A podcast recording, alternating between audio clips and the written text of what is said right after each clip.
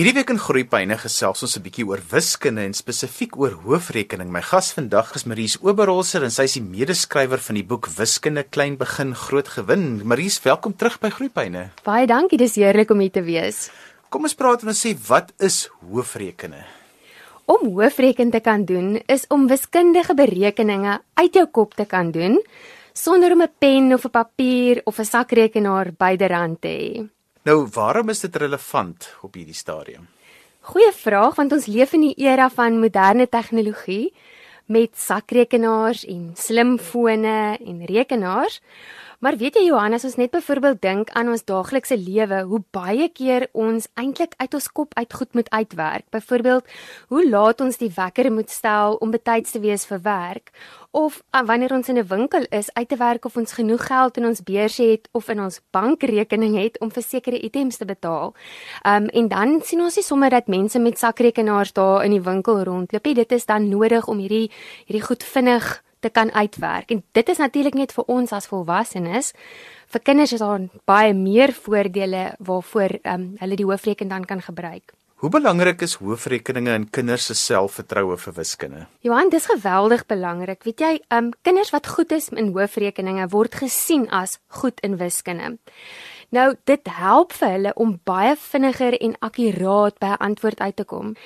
As ons byvoorbeeld dink aan toetse en eksamens, help dit 'n kind geweldig as hulle nie op, op hulle vingers hoef uit te werk wat 7 maal 5 is nie, maar bloot die antwoord ken. En natuurlik bevorder goeie hoofrekenvaardighede ook getalbegrip. Ons praat so baie keer oor getalbegrip, net gou vinnig en kort, wat is getalbegrip sodat ouers kan weet waarvan ons praat? Getalbegrip is wanneer 'n kind presies besef wat die grootheid van 'n sekere getal is, waar daardie getal lê in terme van ander getalle, met ander woorde die posisie van 'n getal, wat lê voor die getal, wat lê na die getal, ehm um, as ons daai getal opbreek, byvoorbeeld, kom ons vat 14, dat dit bestaan uit 'n 10 plus 'n 4 en nie 'n 1 en 'n 4 nie. Ek het 'n juffrou op college gehad wat altyd vir ons gesê het, juffrou Kilian, sy het gesê getalbegrip is daai lyntjie wat die kind in sy kop span, die getalle lyn van die een oor na die volgende oor. Fantastiese verduideliking. Ja. Maries, maar wanneer ons praat oor hoofrekening, dan dink mense dit is net om vinnig te kan uitwerk, maar dit begin eintlik konkreet, nê? Nee. Jy is heeltemal reg Johan. Um vir enige mens om iets te kan onthou, want kyk met hoofreken wil ons graag hê hulle moet 'n getalfeit of 'n som herroep, vinnig kan herroep. Nou, voor ons dit kan doen, moet ons eers iets verstaan, want anderste is dit op die ou end net 'n rympie.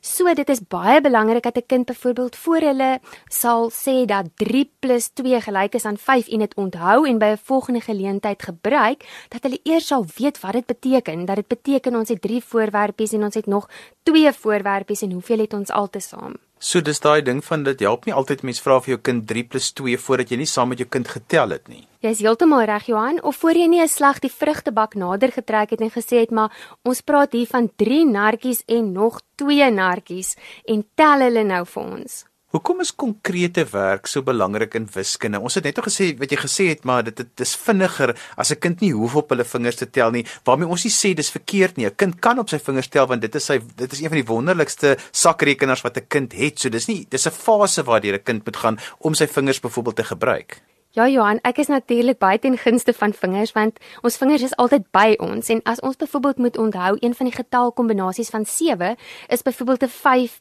en 'n 2 en ons sien dit op ons vingers. So, ehm um, die konkreet help vir ons om 'n visuele prentjie te hê wanneer ons aan die getalfeite moet herroep. Ja, want na baie herhaling en baie vaslegging, dan kan die kind die vingers wat sy kruk is wegpak en dit is tog wat ons op die ou end wil hê dat hy nie nog 'n matriek nog op sy vingers moet tel nie. Jy is heeltemal reg, Johan. En natuurlik ook ons dink nou aan vingers en ons dink nou aan die vrugtebak met nartjies. Nog 'n wonderlike hulpmiddel ook is natuurlik iets soos die 100 blok. Nou die 100 blok, ouers kan sommer net dit gaan Google. Dit bestaan basies net uit 10 kolomme en 10 rye um, met die getalle 1 tot 100. Nou ek het hierdie jare graad eentjie en hy het gesukkel om van 20 af terug te tel in 2's. En die volgende dag toe ons dit oefen, toe kry hy dit perfek reg. En toe ek van vrou, hoe kry hy dit reg? Toe sê hy want hy sien daai blok voor hom. Toe het hulle in die klas op die 100 blok van 20 af teruggetel en to, as hy sy oogies toemaak, dan sien hy die 20, 18, 16. So dis ook 'n wonderlike hulpmiddel wat ons kan inspann. Ja, soos jy reg gesê het, is iets wat 'n mens sommer net kan Google. Jy gaan honderde voorbeelde van die 100 blok kry.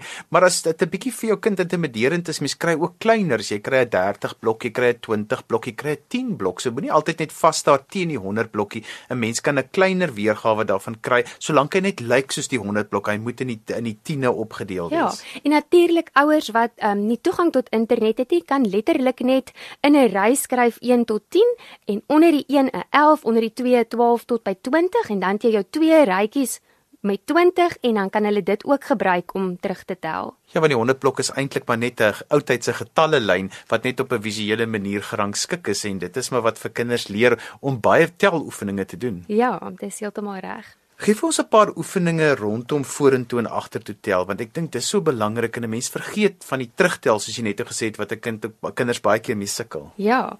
Weereens hierso kan 'n mens um, eers net begin tel deur 'n versameling voorwerpe te tel met die heel kleintjies sodat hulle dit visueel kan sien.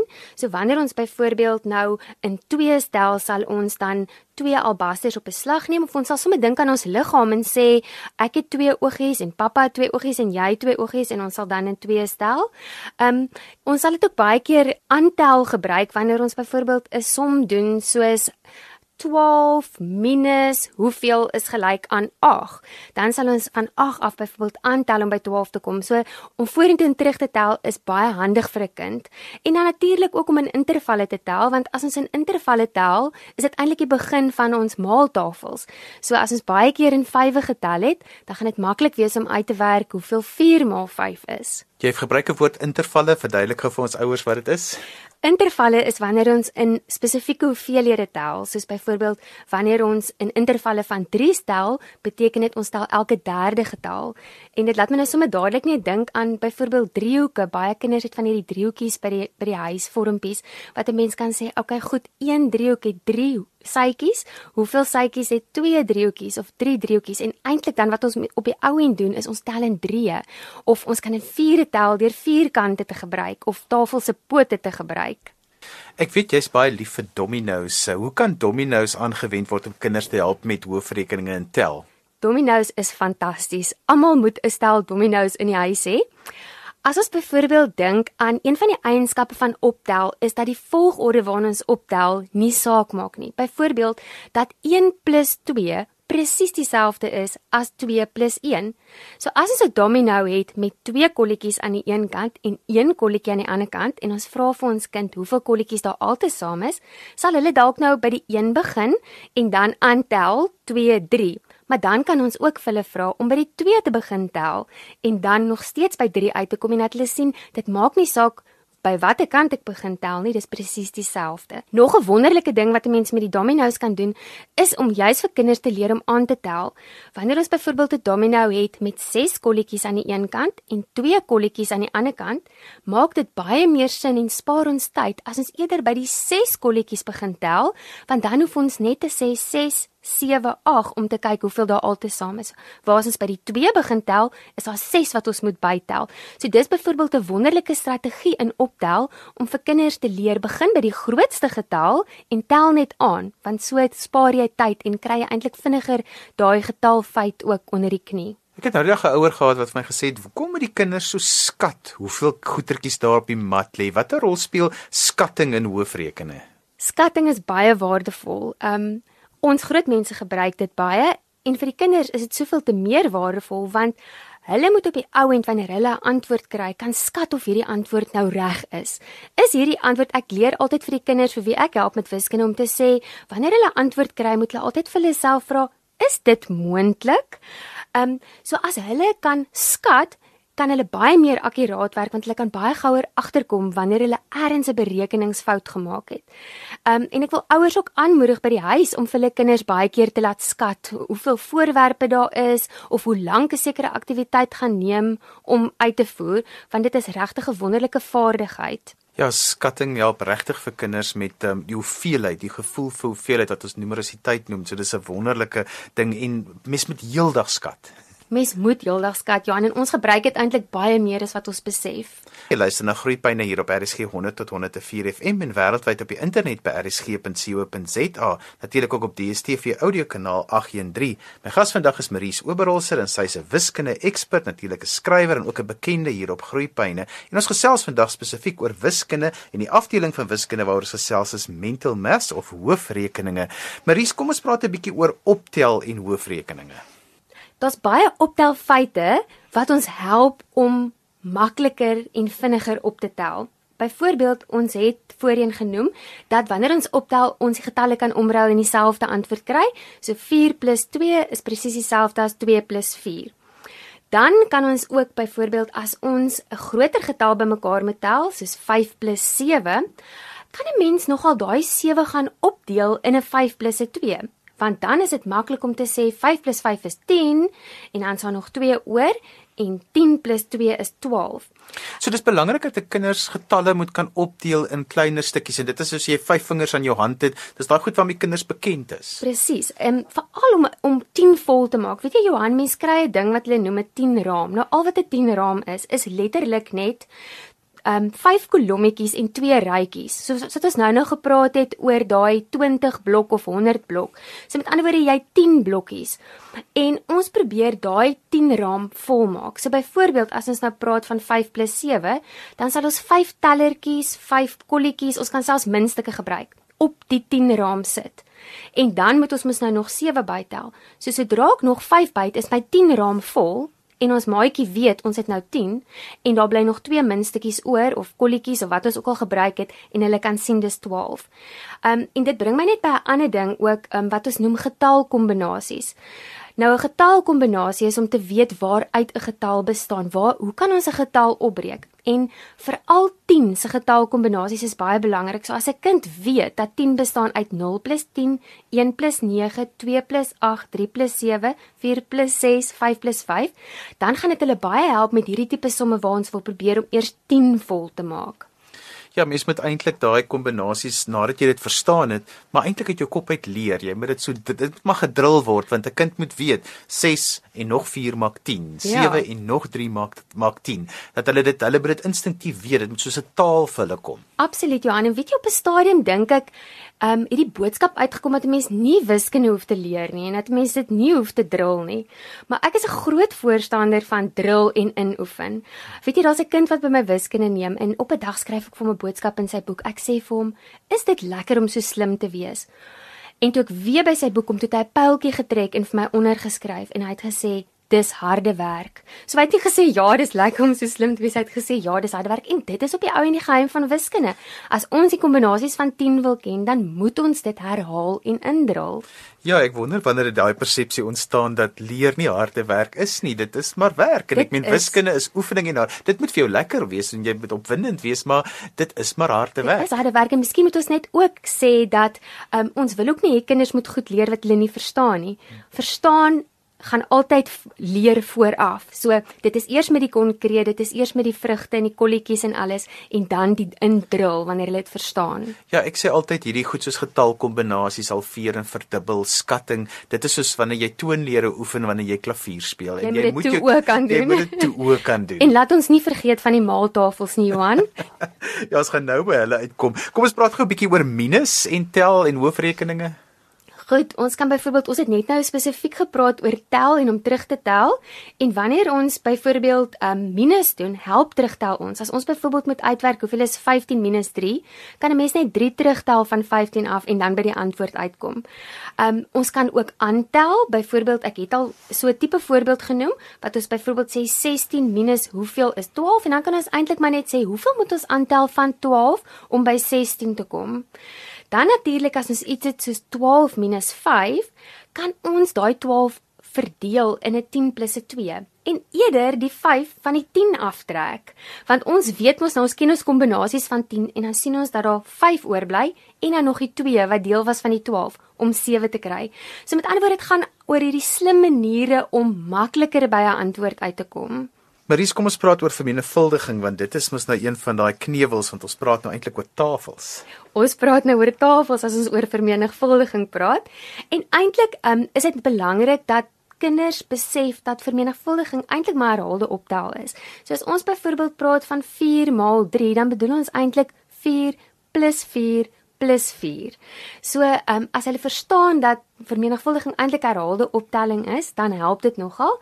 En dan natuurlik ook iets soos 5 maal 2 beteken baie keer dat dit 5 groepe is waarin daar 2 in elke groep is. Maar dit kan ook andersom beteken. Dit kan ook beteken dat daar twee groepe is en 5 in elke groep. So dis weer daai selfde eienskap van optel dat dit maak nie saak in watter volgorde ek vermenigvuldig nie of maal nie, ek gaan dieselfde antwoord kry.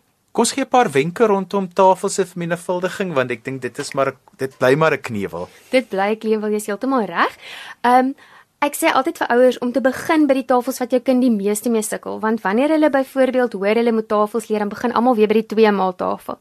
Begin eerder by die tafels waarmee jou kind sukkel en dan onthou daardie eienskap van vermenigvuldiging wat ek nou net genoem het. Byvoorbeeld, sê net maar jou kind is uitstekend met die 3 maal tafel en hy kan vinnig vir jou sê dat 7 maal 3 21 is. As jou kind byvoorbeeld baie goed is in die 3 maal tafel en maklik kan sê hoeveel 7 maal 3 is, behoort hy ook as hy byvoorbeeld sukkel met die 7 maal tafel, dit net te kan omkeer en te sê maar 3 maal 7 is ook 21 omdat ons mag omruil met vermenigvuldiging. En dan help teloefeninge baie hierdie wat ons net nou gesê het om in intervalle te tel want as jou kind maklik in intervalle kan tel, um, help dit vir hulle as hulle aanvanklik die tafels aanleer. Dit help ook om tafels baie keer visueel op te sit. Byvoorbeeld baie kinders sukkel met 8x7. Baie keer is net nodig om 8x7 is gelyk aan 56 op te sit eers waar jou kind dit elke dag kan sien. En dan ook om strategieë te gebruik, byvoorbeeld met die 9x tafel. As ons moet weet hoeveel 8x9 is, dan sê ek altyd vir kinders maar ons weet hoeveel 8 maal 10 is, so nou moet ons net 8 aftrek van dit af.